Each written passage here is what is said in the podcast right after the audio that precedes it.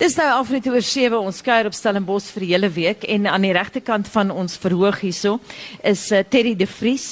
Nou nie minder nie as 164 spekbome maak deel uit van 'n reuse labirint op 'n plaas net agter Elsenburg College en dit is by Klapmetskop. Is dit korrek Terry? Môre. Haai, môre Aneta.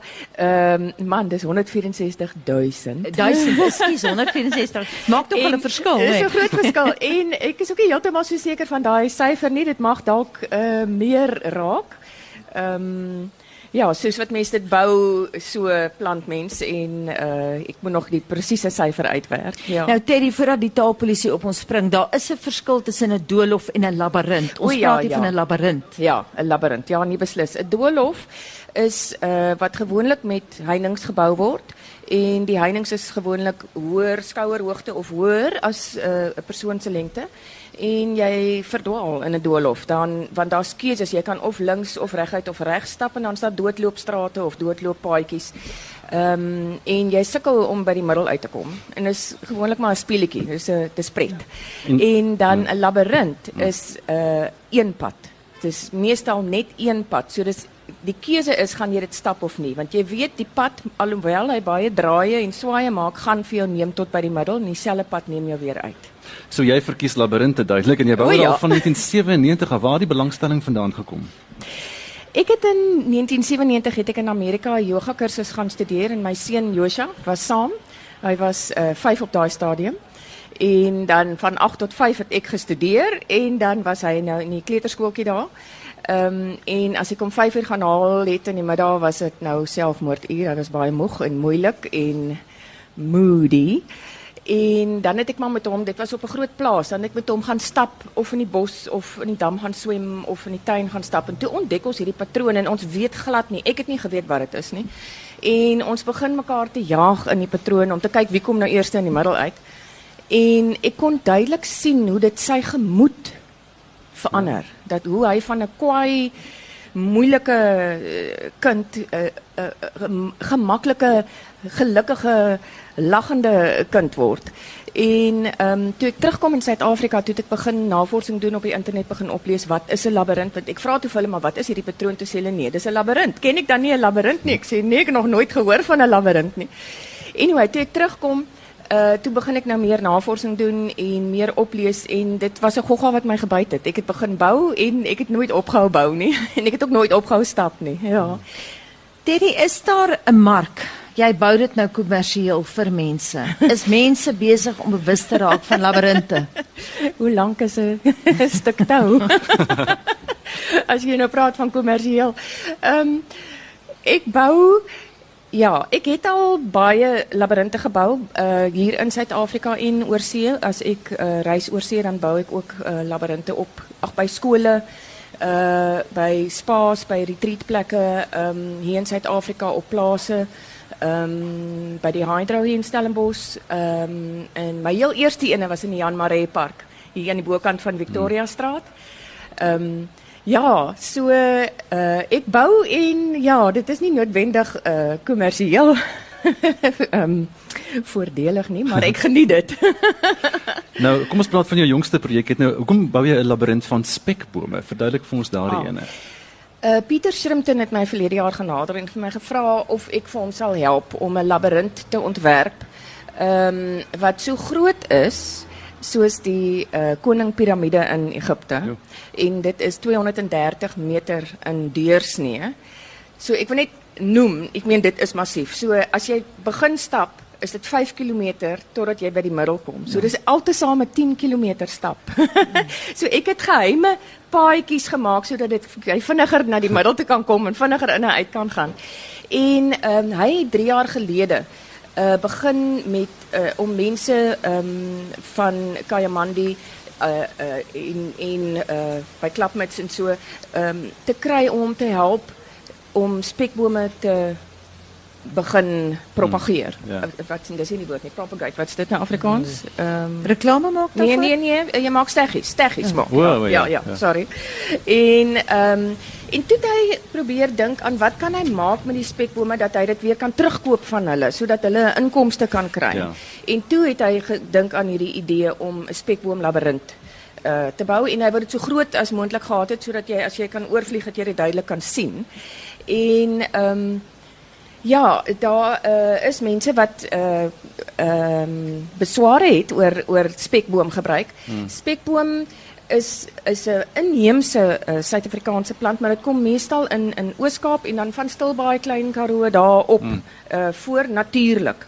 So ehm um, ek het al gesien uh op sosiale media wat wat baie gevaarlik is van die mense plant dan 'n steggie sommer in ja. uh, in die in die berg waar nie hoort nie. Waar nie hoort nie. Mm. So dis baie goed om dit in jou tuin te plant mm.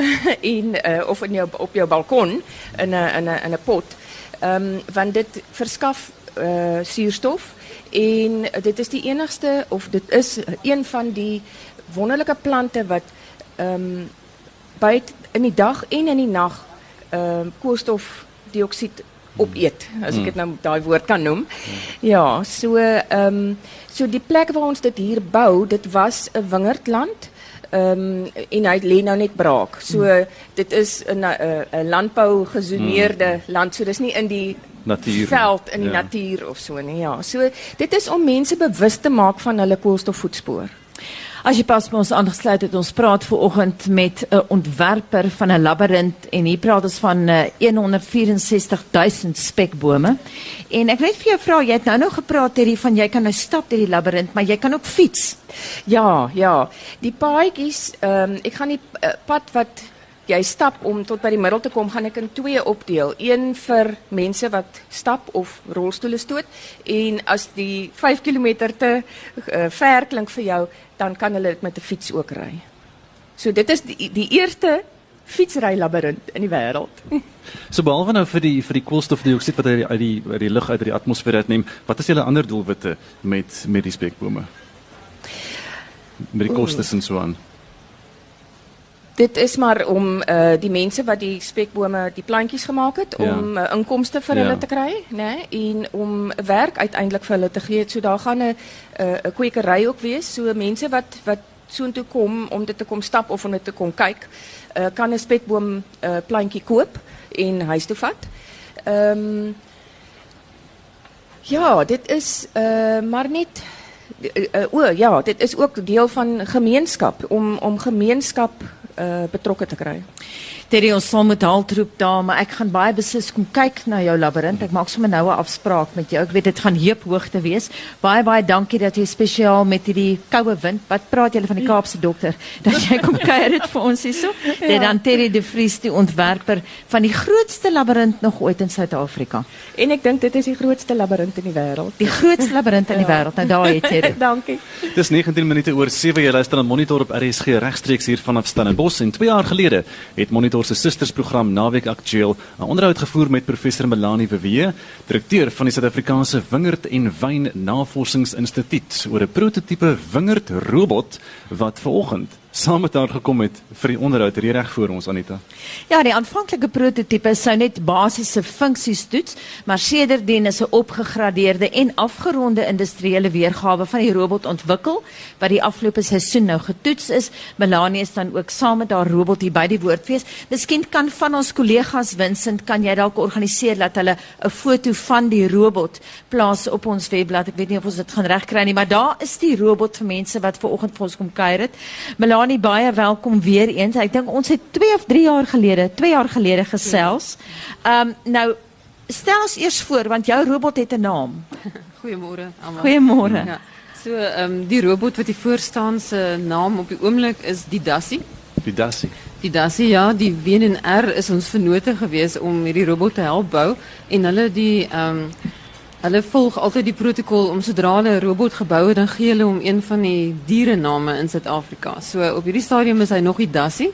Dit is nog steeds 'n prototipe. Dis nou 'n industriële weergawe prototipe en sy naam mag dalk verander soos wat ons nou vorder na meer 'n uh, afgeronde produk. Um, ja, maar dit is die dassie en hy het sekere funksies en um, hy kan rondbeweeg. Daar is ons het ons span saamgebring wat die robot kan hanteer so hy kan so 'n bietjie rondbeweeg. En daar's 'n paar uh, aanpassings gemaak sê ja. dit 2 jaar gelede bietjie ja. verfyn. Wat het julle verander? Ja, ek dink as 'n mens kyk of as as iemand wat die vorige robot gesien het en ek het hom laas beskryf as 'n ehm um, 'n kombinasie tussen Wall-E en uh, die maan 'n rover. Ehm um, hierdie een is baie meer afgerond. So ehm um, in die eerste plek moes ons 'n groot skaalse ehm um, aanpassings maak om hom meer stabiel te maak vir die wingerd. Die wingerde is baie ongelyk en is nie maklik om daar te beweeg nie. En omdat die robot eintlik 'n sensorrobot is, moes ons versigtig wees om die sensors te stabiliseer. So baie van die funksies wat op die oomblik ehm op die robot baie goed werk, um, werk omdat ons die die raamwerk moes verstewig.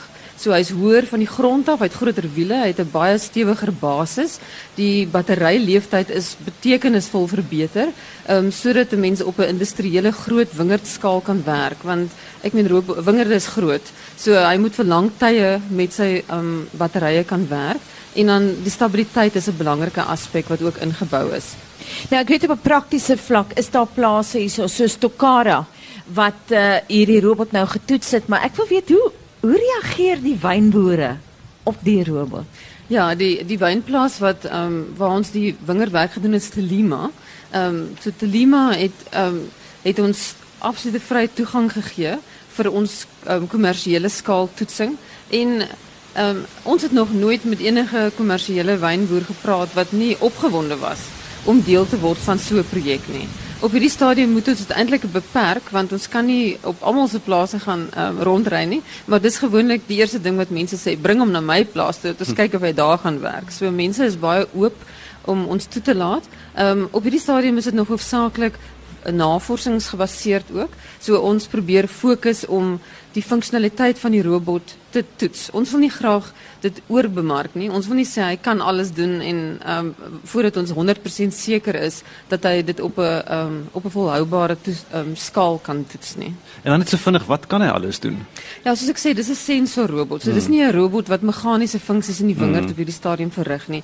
So die belangrike ding ding is om inligting te versamel. So een van die groot probleme nog steeds in die wingerd en wynbedryf is dat wingerde so groot is dat produsente maak belangrike besluite soos wanneer om te oes, um, wanneer om sekere praktyke toe te pas op 'n relatiewe klein toetskaal. So hulle stap in die wingerd in op 'n paar plekke en hulle kyk na wat daar aangaan en gebaseer daarop aanvaar hulle oral in die wingerd is dit dieselfde toestande wat ons weet nie waar is nie. So die een van die groot doelwitte met hierdie robot is om op 'n wingerdskaal inligting te verskaf sodat die produsent um, baie goeie besluite kan neem wat 'n groot impak kan hê op die produk op die ou einde.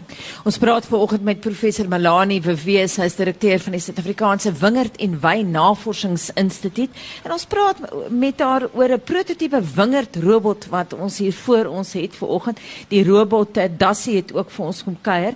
Ek wil weet is daar internasionale belangstelling? Ek dink dadelik aan die Franse.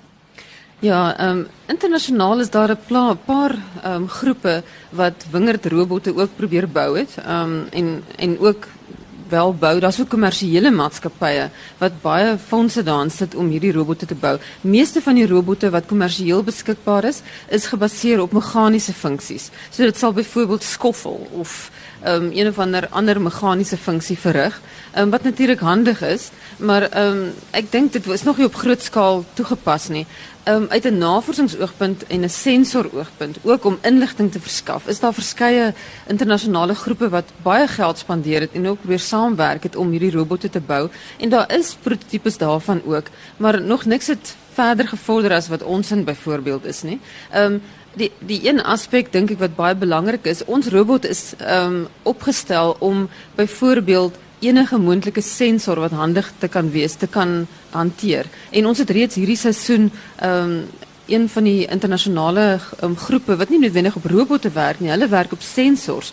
Hulle het die geleentheid gebruik om hulle sensor op ons robot te plaas. Dis 'n Nederlandse maatskappy wat 'n baie unieke sensor ontwikkel het, 'n hiperspektrale sensor om inligting te gee oor die ehm um, toestand van die druiwe, die wingerde, ehm um, en dan ook die druifkorrels om byvoorbeeld stressyne ehm um, te verskaf. So hulle sensor is reeds op ons robot gewees die hele tyd. So ons kry baie geleentheid om met ons kollegas internasionaal saam te werk op hierdie stadium. Ons is nog nie in 'n direkte kompetisie met hulle nie. Ons werk eerder nog met hulle saam. Melanie baie dankie. Dit was dan professor Melanie Wewe, direkteur van die Suid-Afrikaanse Wingerd en Wyn Navorsingsinstituut. En jy het nie dankie gesê vir die robot en Gustav. Ja, ja, ja. Baie baie dankie Dassie. Dassie. baie dankie. Dis 26 minute oor 7 jy luister na Monitor op RSG en dit is musiektyd volgende, né? Die het jy al gehoor van die Khoisan Gypsy Band Anita? Ek het vroeër daarvan gelees, maar ek het hulle nog nooit hoor speel nie, so ek wil baie graag hoor hoe klink dit. Drie orkeslede is hier by ons, Leon, Dean en Fraser en hulle is deel van die Woordfeesproduksie Die Poet Wie's Hy met gedenk die lewe van die digter Adam Smol. Kom ons gesels vinnig so met met hulle vanmôre. Waar kom die idee vir julle produksie vandaan? Goeiemôre almal. Ehm um, Ik wil net zeggen, het is nice erg nice om hier te wezen. Dank u voor de opportunity. Ehm, die idee is ontstaan, ik denk omtrent zo'n vier jaar terug. Ik mijn andere ma, Tani Mago, lijkt mij gevraagd om een, om, om gedicht van Arm Smol te doen. En zij heeft mij een groot Christmasgebed van hem gegeven. En ons het opgenomen voor haar Christmasprogramma dat jaar. En eh, uh, zij heeft mij aangemoedigd om dan een hele verzameling van zijn gedichten en zijn poëzie te vat en sodoende ehm, 'n um, show te kan maak van dit. Ja. Nou watter instrumente het julle gebruik om lewe te blaas in daardie gedigte en wat julle gaan gebruik hier vanoggend? Ja, daar's nie genoeg tyd nou om te sê die hoeveelheid instrumente wat ons speel nie, maar dis instrumente wat ons bymekaar sit wat nog nooit tevore so bymekaar gesit is nie. So dis alles van um Bushman bows, um Gitam cellos, gitaar, banjo, um Wat is wat's daai kleintjie daar? Dis 'n ukulele. Uh -huh. My goeie vriend Leon Juania speel hom baie mooi.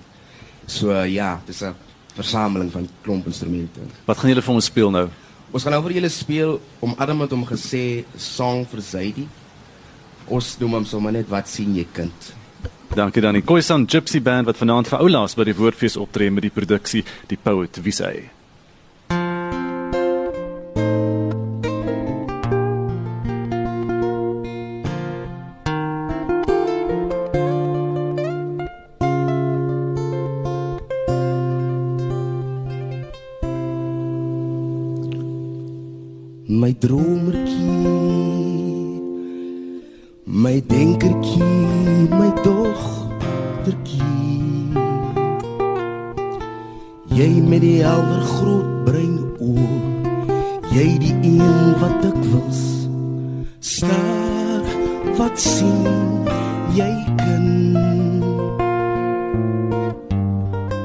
Wat sien jy kan Jy glimlag en jy kyk daar ver, dan word jou groot brein oë doof. So as op droom. Jy wat 'n jonk verdroefheid is, sê dan vir my. My dogtertjie, my denkertjie, my dromertjie Wat sien jy kind?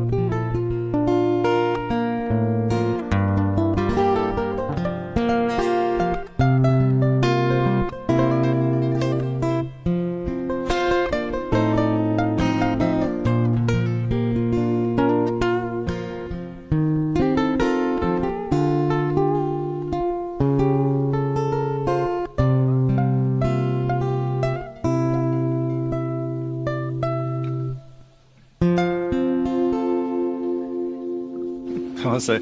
Baie dankie aan die Khoisan Gypsy Band wat dan vanaand vir oulaas hier by die Woordfees is met die Poet Wie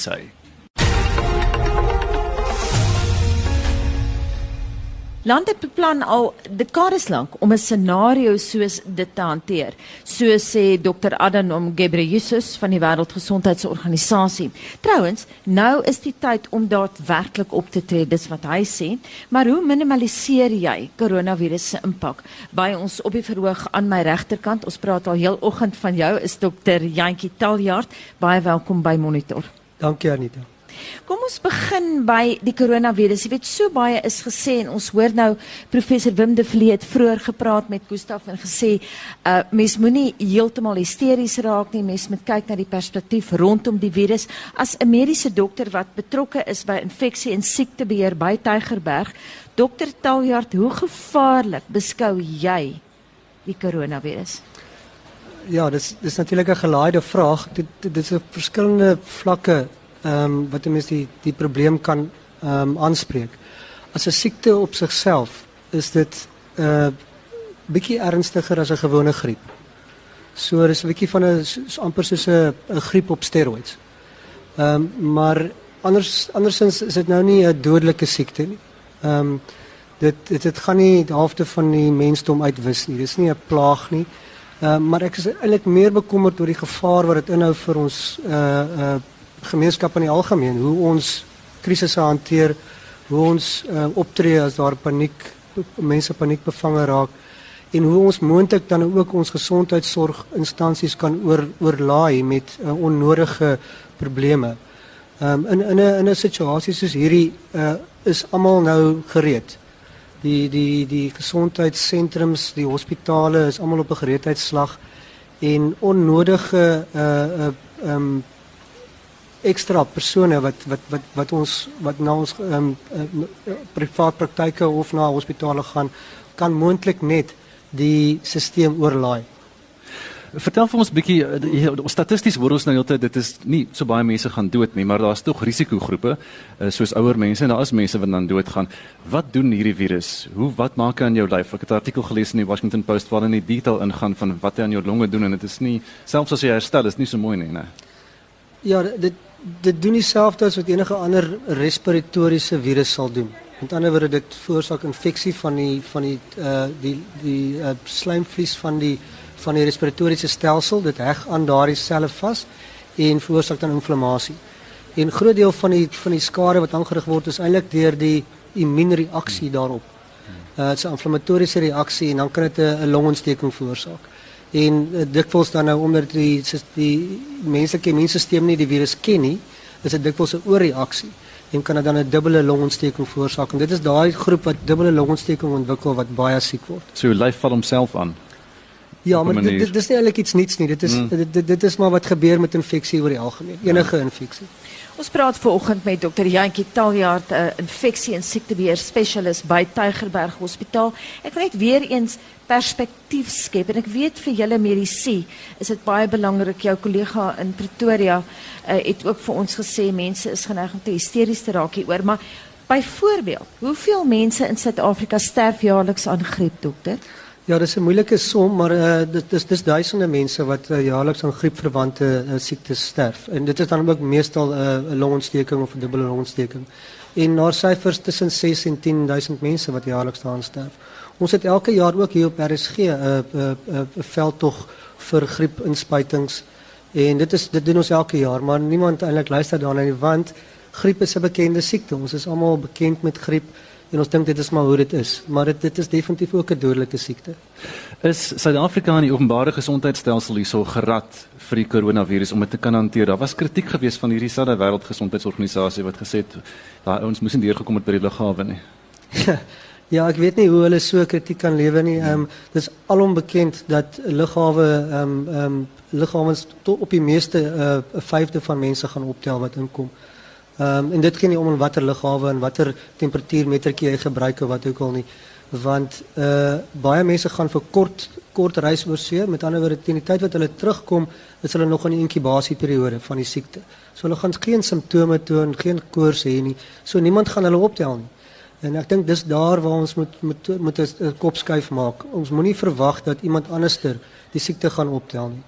Uh die die publiek, die algemene man in die straat moet verantwoordelikheid neem en weet wat hulle risiko is en sou hulle dan siek word en dink dat hulle moontlik blootgestel kon wees met hulle onmiddellik uh, dan die die verantwoordelike ding doen om uh, mediese sorg te kry. Gustaf praat nou van kritiek, maar ek wil vir jou vra dokter, wat dink jy van die Chinese se hantering daarvan want hulle het ook deurgeloop onder kritiek? Ja, ek dink hulle het baie val onder Amerikaanse kritiek deurgeloop as mens die die New York Times en die Washington Post se gelees het. Maar ehm um, ek is nou nie 'n kenner op hulle op ehm um, ehm nie, maar Uh vanuit die mediese perspektief dink ek dit is ongelooflike reaksie gewees. Uh effektief hulle het ook uh, vanuit 'n uh, wetenskaplike oogpunt onmiddellik die virus geïdentifiseer. Binne 'n maand het hulle die genoom uitgewerk en toetse ontwikkel. Ehm um, saam met natuurlik baie ander lande om om dit te diagnoseer. Ehm daar was 'n 'n 'n 'n brief, 'n oop brief wat in die Lancet uh joernaal gepubliseer is deur deur 'n klomp infeksiesiekte spesialiste dwars oor die wêreld en nat, natuurlik almal wat dan by bydra kon kon kon aanlyn bydra en sê ons ondersteun dit. En dis duisende infeksiesiekte spesialiste en epidemioloë dwars oor die land wat die Chinese geprys het vir hulle reaksie. Is dit moontlik om hierdie COVID-19 virus siekte te kry en heeltemal asymptomaties te wees en, en nooit eers te weet nie, gaan deur jou en jy herstel weer? Dit is nie heeltemal bekend of dit so is nie. Dit ehm um, die as ek nou so lees dit wat al beskikbaar is, is dit baie skaars. Ehm um, die meerderheid mense sal simptome hê. So um, by verre die meerderheid. Jy sal ja. weet jy ja, is siek. Ja. Net op 'n praktiese vlak, daar is nou banke wat hulle beleid rakend biometriese toegang hersien. Ek weet ons sit by die SAIK biometriese toegang as ons ingaan in die gebou in. Hoeveel kieme versprei so? ja, ek weet nie, maar dit dit maak net sin dat daar sekerlik baie kieme so kan versprei. Ek wil net weer eens vra luisteraars is daar enige iemand wat dalk vir Estie 'n vraag het, dan kan sy die mikrofoon na jou toe bring. Het jy 'n spesifieke vraag vir dokter Taljaard? Enige iemand hierso? Dit lyk op die oomblik asof jy al die inligting baie deeglik deurgee. dokter, wat is die belangrikste boodskap wat jy vanoggend aan die Suid-Afrikaanse publiek wil gee in terme van die koronavirus? Ek dink almal moet besef ons nie 'n uitbreking van koronavirus in Suid-Afrika op die oomblik nie. Ehm um, daar is enkele gevalle en hulle hou almal verband met mekaar en met reis na Italië. En daar is natuurlik kan ons verwag dat daar nog gevalle gediagnoseer gaan word in af, in die volgende paar weke wat moontlik verband kan hou kan met die eerste groep wat in Italië was, maar natuurlik nog mense kom terug van Oosea waar daar uh, wel uitbrekings is. En ons kan moontlik dan ook in hulle in daai gevalle dit diagnoseer. So moenie onnodig paniekerig raak as daar nou nog 'n geval of nog 'n geval gediagnoseer word nie. Kyk, wat is die omstandighede waarin daai persoon gediagnoseer is? Is hy alreeds uh, hy of sy en hou dit verband met ander kontakte wat reeds um, gediagnoseer is? So dis die eerste punt. Um, daar is nie uitbreking in Suid-Afrika op die oomblik. Die die tweede punt dink ek, um, wanneer ons in 'n in 'n waar jy dink dat jy moontlik die infeksie kan hê en iemand anders het dit nou nou ook genoem is moenie net na 'n uh, dokter toe gaan of na 'n hospitaal toe gaan nie. Lig hulle eers in dat jy wie jy is, wat jy dink in die gang is en dan dat jy dat jy mediese sorg wil hê. En dan kan hulle gereed maak vir jou vir jou um um um aankoms en die nodige uh, voorsorgmaatreëls tref. Want as iemand soos ek vat nou die eerste geval wat in in Natal nou gediagnoseer, KwaZulu-Natal gediagnoseer is, daai dokter is ook nou in kwarantyne vir 2 vir 2 uh, weke. Hmm. Dink jy net in dat sou jy nou net na 'n hospitaal toe gaan en na die ongevalle toe en daar sit en wag 'n uh, eh, klomp mense, die dokter sien met die dokter gesels met die suster. Al daai mense is dan moontlik blootgestel aan jou koronavirus. Hmm. Sou dit nou uh, wel so wees dat jy dit het? En al daai mense moet dan vir 2 weke gekwarantyne word. Hmm jy kan maklik of ons kan maklik die hele gesondheidstelsel lam lê deur onnodig na 'n uh, uh, um, gesondheidsorg um, of na dokter toe te gaan. Bel hulle eers as jy nie 'n telefoon het nie, kry iemand om jou te help en hulle in te lig dat jy wel op pad is. Sou jy net daar wees en vergeet dit om te bel, uh, probeer so min as moontlik kontak met die meerderheid mense hê en net onmiddellik uitvind waar moet jy wees en gaan dan soontoe. En dis dan seker wat in Italië gebeur het, hoe dit so vinnig dan versprei. Ons het 'n vraagie so van die gehoor, is dit staan daar gereed met iemand se vraag? Ja, Henny wil graag 'n vraag vra. Môre dokter, um, ek wil graag weet uh die groep mense wie se immuniteitstelsel reeds gekompromiteer is, soos die HIV positiewe groep mense. Hoe gaan die virus hulle beïnvloed? En gesels 'n bietjie oor as daar as die persoon miskien TB het en die virus tref hulle, hoe gaan daai groep mense geaffekteer word? Dankie. Ja, dankie en ek dink dit is 'n baie goeie vraag. Ons ons weet en weer eens mense moet nou maar kyk na wat daar reeds ge, geskryf is uh, uh van dit die uit, uitbreking plaasgevind het. Ons weet reeds dat die mense wat 'n hoë risiko het om erger siek te word, is die mense wat ehm um, ouer as as 65 of nog ouer is, is dit of selfs die die die die die syfer gaan begin al opgaan na 50 Uh, maar dit is eers hier na 65 en dan mense met ander hart en long siektes. Uh, dit sal insluit iemand wat voorheen tuberkulose gehad het, wat skade van die longe het. Hulle kan miskien nou uh, ook ernstiger siek word. Daar's geen inligting tans oor die effek op HIV nie. Want in die lande waar dit waar dit wel nou uh, plaasgevind het, was daar nie eintlik baie mense met HIV siekte nie. So uit 'n wetenskaplike oogpunt weet ons nie. Maar as ons nou uh die aan, aanname maak dat dit moontlik dieselfde uh, effek kan hê as wat 'n erge griep het, omdat dit ook die longe aantas en dit ook 'n virusinfeksie is, dan kan ons aanneem dat uh uh uh, pasiënte waarskynlik ook 'n uh, uh, risiko het tot erger siekte. Waar staan ons in hierdie stadium met 'n uh, enstof en en hoe gaan dit te werk om 'n enstof te ontwikkel? Hoe werk daai proses? Ja, dis 'n komplekse uh, uh, proses. Ehm um, uh, ek is nie 'n uh, uh, uh, kenner op daai gebied nie, maar ek dink ehm um, uh die huidige of die die die die die siening wat wat daar tans is is dat dit kan nie vinniger as 'n jaar tot 18 maande wees voordat ons 'n uh, effektiewe enstof uh, daar het nie. Ehm ja, dit is die dis die huidige siening van die WGO. Wat wat moet gebeur is hulle moet hulle moet eers die enstof ontwikkel wat natuurlik 'n 'n proses is en daar's baie geld nodig daarvoor. Ehm wanneer dit dan nou uh ontwikkel is en dit dan moet dit getoets word.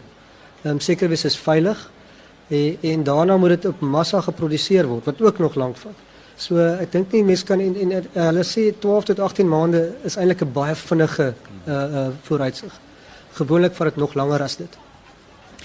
Kom ons praat 'n bietjie oor die wêreldwye protokol wat die hantering van die koronavirus betref op 'n praktiese noot. Ek weet die Suid-Afrikaners werk ook saam. Ek dink almal werk saam, seker behalwe die Noord-Koreane. Maar uh, in in hierdie geval op 'n praktiese vlak, dokter, hoe is jy betrokke by hierdie wêreldwye poging? Is Tygerberg betrokke?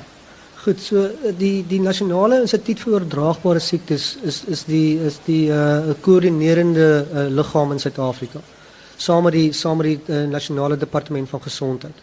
So hulle het reeds um, in in Januarie begin of einde Desember toe daar toe dit nou bekend raak dat daar 'n uitbreking is, het hulle reeds begin met voorbereidings en ons almal ingelig wat aan die gang is.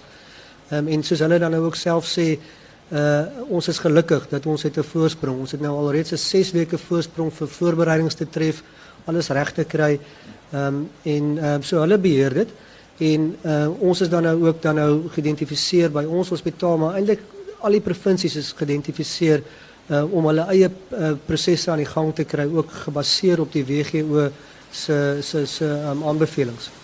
So dit is maar hoe ons betrokke is. Ons is maar deel van die gesondheidstelsel en ons uh, Tygerberg Hospitaal oor die jare was nog altyd die hospitaal waar hoogs aansteeklike siektes geïsoleer sal word as gevolg van die Kongo koors ehm um, gevalle wat ons in die 1970s daar gehad het waar daar 'n uitbreking in die hospitaal was.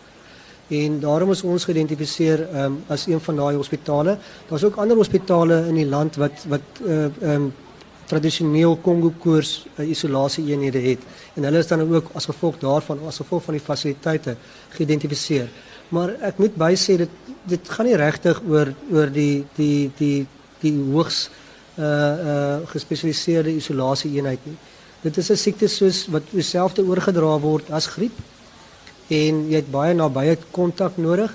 So enkel kamer uh is al as reeds goed genoeg om iemand te isoleer. Jy het nie regtig 'n hoogs gespesialiseerde gespesialiseerde nodig nie. Maar ons is nou geïdentifiseer in die huidige uh omstandighede wat ons is. Met ander woorde, ons het nie uitbreking nie en die enkele gevalle wat inkom, ons so goed as moontlik hanteer. Ehm um, ehm um, as daar eh, verdere uh, verspreiding van die siekte in die gemeenskap is, soos wat in Italië tans is. Uh, dan natuurlik is dit nie net 1 of 2 of of 13 hospitale wat dit moet hanteer nie. Dan dan moet die hele gesondheidstelsel ehm um, dit hanteer. En uh, dis ook ons siening dat almal moet gereed wees. As jy kyk na die gevalle wat nou al reeds aangemeld het, hulle gaan almal na hulle GP's toe of hulle gaan na die private hospitaal toe of of hulle gaan na 'n kliniek toe. Hulle gaan nie na die een van die 13 hospitale nie. So almal moet ehm ehm um, gereed wees. Ons is natuurlik almal beskikbaar om geskakel te word want omdat ons geïdentifiseer is al die spesifieke hospitale. So daar het ons nou ekstra ehm um, ervaring met isolasie en ons het ook natuurlik baie voorbereidings gedoen nou. So ons is nogal uh, ingelig oor die nuutste. So mense moet ons skakel as hulle as hulle nie weet ehm wat om te doen nie en dan kan ons ook raad gee. Ek praat nou van ander dokters en so. Hierdie is natuurlik 'n sosiale media virus. Hierdie mense sien op sosiale media hoe word China en Italië, hoe word dorpe totaal toegemaak en ontsmet en so aan. En dit dryf daar hysterie en en die en die gevaar dat mense perspektief kan verloor. Is dit is dit anders as vorige uitbrekings, vorige virusse, SARS, MERS, daai Ja, dit dit daar is definitief uh ooreenkomste en verskille. Um, ek dink die die grootste ooreenkoms is miskien SARS. Hmm. Uh want die virus is ook amper dieselfde as as die SARS virus. Ehm um, die verskil is dat SARS is meer dodelik geweest met 10% mortaliteit ehm um, en het nie so maklik verder versprei nie. So daar's 'n positiewe en 'n negatiewe aan daai.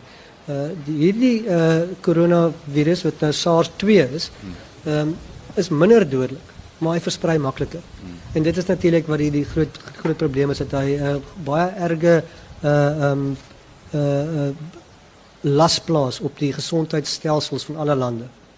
Dokter net laasens 'n praktiese vraag vir mense wat dalk luister vir oggend en wat pas uit Italië of Iran teruggekeer het. Ek weet die Iranese en die Italianers het hulle skole nou gesluit. Maar gestel iemand luister heel benoud na hierdie gesprek vir oggend is miskien in daai ouer vatbare groep Hoe lank is die inkubasie? Ja, en dit is nog baie vroeg in die uitbreking om om uh, om die, die spesifieke ehm ehm um, tye van die inkubasieperiode te hê, net om duidelik te maak die inkubasieperiode is wanneer jy aangesteek word tot wanneer jy sou simptome ontwikkel. Ehm die die die beste inligting wat ons op die oomblik het is dat dit rondom 5 tot 7 dae is uh, met uh, die langste inkubasieperiode rondom 12 en 'n half dae.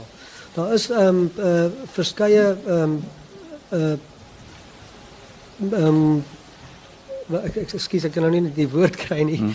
Ehm um, daar daar is 'n daar's daar's daar's uh, gerapporteer in hmm. verskeie ehm um, media ehm uh, um, huise dat uh, dit kan so lank as 27 dae of 21 hmm. dae wees. Daardie inligting word uh, sterk betwyfel op die oomblik want dit kom uit lande waar daar groot uitbrekings is. So as jy 'n persoon identifiseer is dit ongelooflik moeilik om te bepaal wanneer het hy aangesteek. En dit kan miskien wees by 'n persoon wat hulle kan onthou 21 dae terug, maar dit kan ook wees uh, nader aan daai tyd. Dit is onmoontlik om te sê. So daai ons betwyfel baie sterk daai inligting. Die beste wetenskaplike inligting 5 tot 7 dae, uh, maksimum 12 en 'n half dae.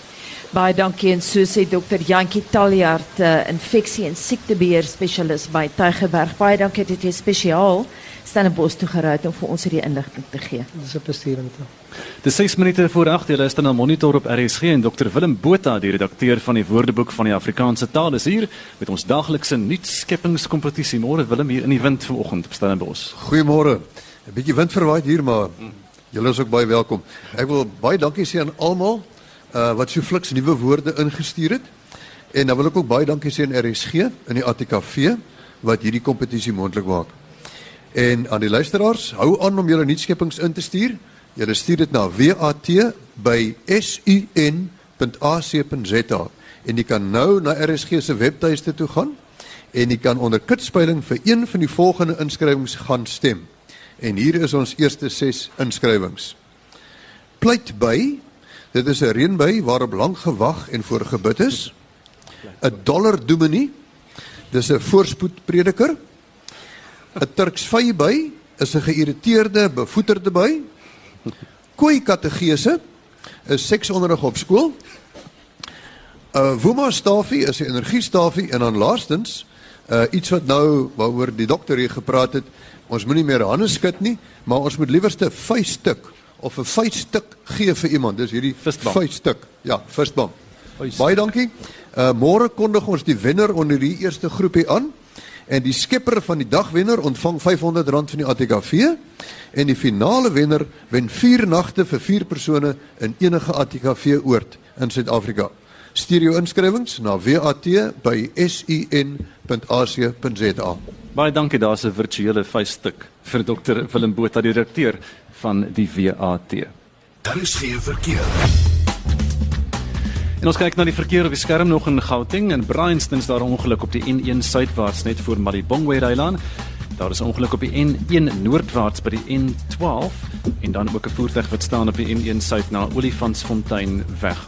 In Pretoria, die verkeer is druk op die N4 weswaarts tussen Rousseau straat en Jan Shoba Die snelheid daar sit in 25 km/h op die in die Weskaap uh, botsing op die N2 uitwaarts net voor Robert Sebokwe in die regterbaan en dan 'n botsing op die N2 inwaarts by Bunga.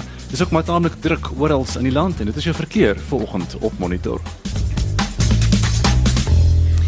756 is amper tyd om te groet hier met ons eerste uitsending uh, by die Woordfees, maar ons het tog tyd om nog SMS terugvoer aan te hoor van ons luisteraars.